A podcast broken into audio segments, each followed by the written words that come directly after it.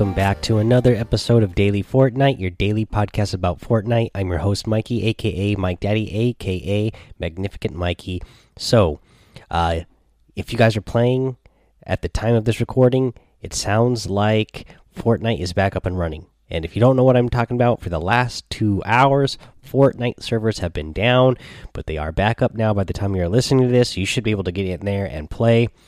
Really big bummer. I was so excited to play today. We'll talk a little bit about my solo cup saga. As you guys know, I've been really been wanting to play the solo cup uh, for months now, but just because of the way my work schedule is, I have not been able to sit down and actually play the full window. So, uh, you know, the when I've gotten to play I haven't had enough time to score the 20 points. My closest being 18 points, which was the last solo cup that we had a couple of days ago.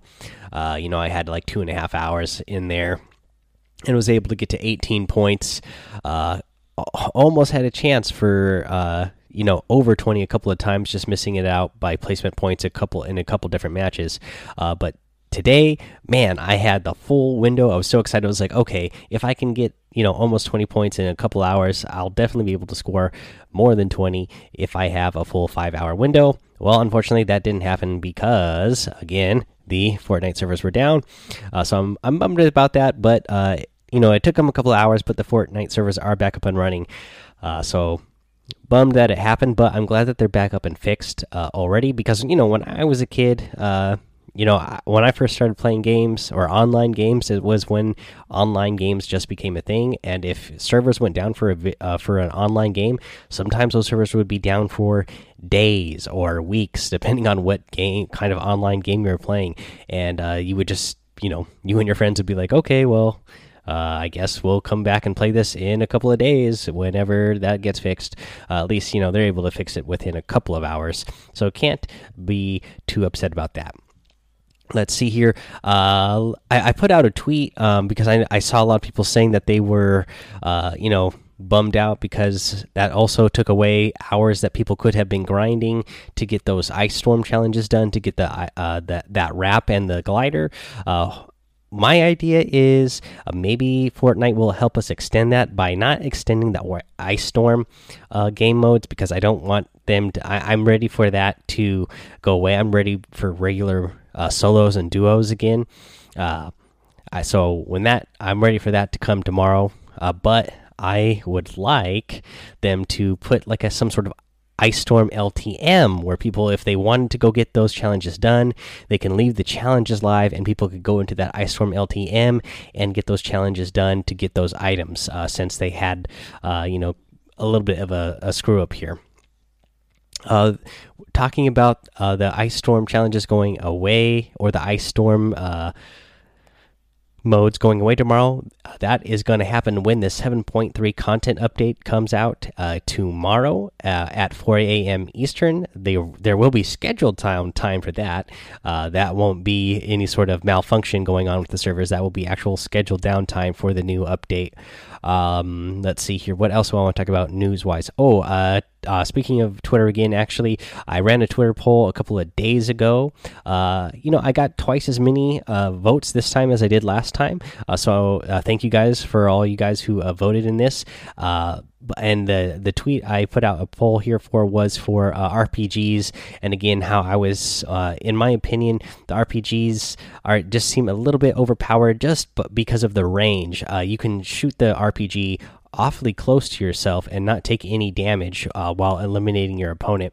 Uh, so I just don't think that, that that's balanced. That they need to uh, they need to adjust the splash or the radius that the damage does. I was talking about this uh, with Bob Den when we were doing the uh, Duos Cup. I, I was telling him about how I felt about it, and he brought up a good point that the dynamite does a wider. Uh, radius of damage than the RPG does. So you can throw a, a stick of dynamite and it will you have to be farther away. Um, otherwise, it's going to damage you. You have to be farther away than an RPG. So, to me, I don't know. the The RPG needs to do a bigger splash area of damage to the player who's shooting it. Uh, that way, they get punished a little bit for, uh, you know, shooting it so close to themselves. Uh, let's see here. Uh, but yeah, thank you again, uh, you guys, everybody who voted in that. Let's talk about a week eight challenge tip, and the challenge tip uh, again, very obvious, straightforward one. Uh, but one of them ones is to go to Paradise Palms and Salty Springs in a single match, and then stage two, go to Junk Junction and Loot uh, Lake in a single match, and Haunted Hills and Wailing Woods in a single match. And again, uh, just head to one of those expedition outposts, grab a plane, and fly from one to the other and you'll get this one done super easy. We've had challenges like this before, and uh, yeah, it makes it uh, super easy to do when you have a plane. You know, I was wondering, guys, uh, the Fortnite. Uh, they talked about a hoverboard a long time ago that they ended up having to take out because there was it was broken and it would cause some sort of issue with the game. Uh, I'm thinking you know this this season's challenges have been really easy and i'm thinking maybe it has to be because of that item they must have had challenges uh, set up for that item that they could no longer do since they couldn't put the item in the game because especially if you go in the iceberg biome area around frosty flights polar peak happy hamlet uh, if you go in the area that's in between all those there's a bunch of hills that have like um, the flags that you would have for like ski competitions. So I was thinking when I saw those originally that you know you would have to go down the slopes and go through those little flags like you would uh, in a skiing competition with the hoverboard. Uh, but you know we haven't had the hoverboard, so I you know. I don't know if that's really what would have been a challenge, but I was guessing maybe that would be something that would be a challenge. Uh, and it just makes me wonder again when is that hoverboard going to come? I mean they've teased that a long time ago. Let us know that it was broken so that they weren't going to put it in right away but they were eventually going to put it in. We're, we're nearing the end of the season here so hopefully that's something that they bring in eventually because it would be cool to see a hoverboard another mobility item. Since they've been removing mobility items lately it'd be cool if they added one back in. Uh, let's see here or added a new one in i should say. Uh, let's talk about the item shop today. In the item shop, we have the Dark Vanguard outfit. Uh, another one that I love a lot. I love the way this one looks. You got the Deep Space Lander glider in there, the Orbital Shuttle glider in there as well. The Archetype outfit is in there today. I like the Archetype for sure. The Servo glider and the Caliper harvesting tool. In the daily item section, a bunch uh, that I like as well. In the Cloak Star outfit, uh, I've always liked that one a lot. You have the Insight outfit. I like that one a lot. Uh, you have the Pumpernickel uh, emote. You have the Studded Axe harvesting tool. You get the Battle Call emote, which is one of my favorite ones uh, from last season. And then you get the Jolly Roger uh, glider. You gotta love that because I love pirates. So if you're gonna go ahead and get any of these item guys, go ahead and use that creator code Mike Daddy M M M I K E D A D D Y. And when you check out of the item shop, a little bit is gonna go my way at no extra cost to you. So that is pretty awesome. You get to support a creator and a show that you like. And again, you know. We'll do another one of these uh, giveaways next month as long as this keeps going well. Uh, let's see here. Let's do. Uh, let's let's see here. Let's do.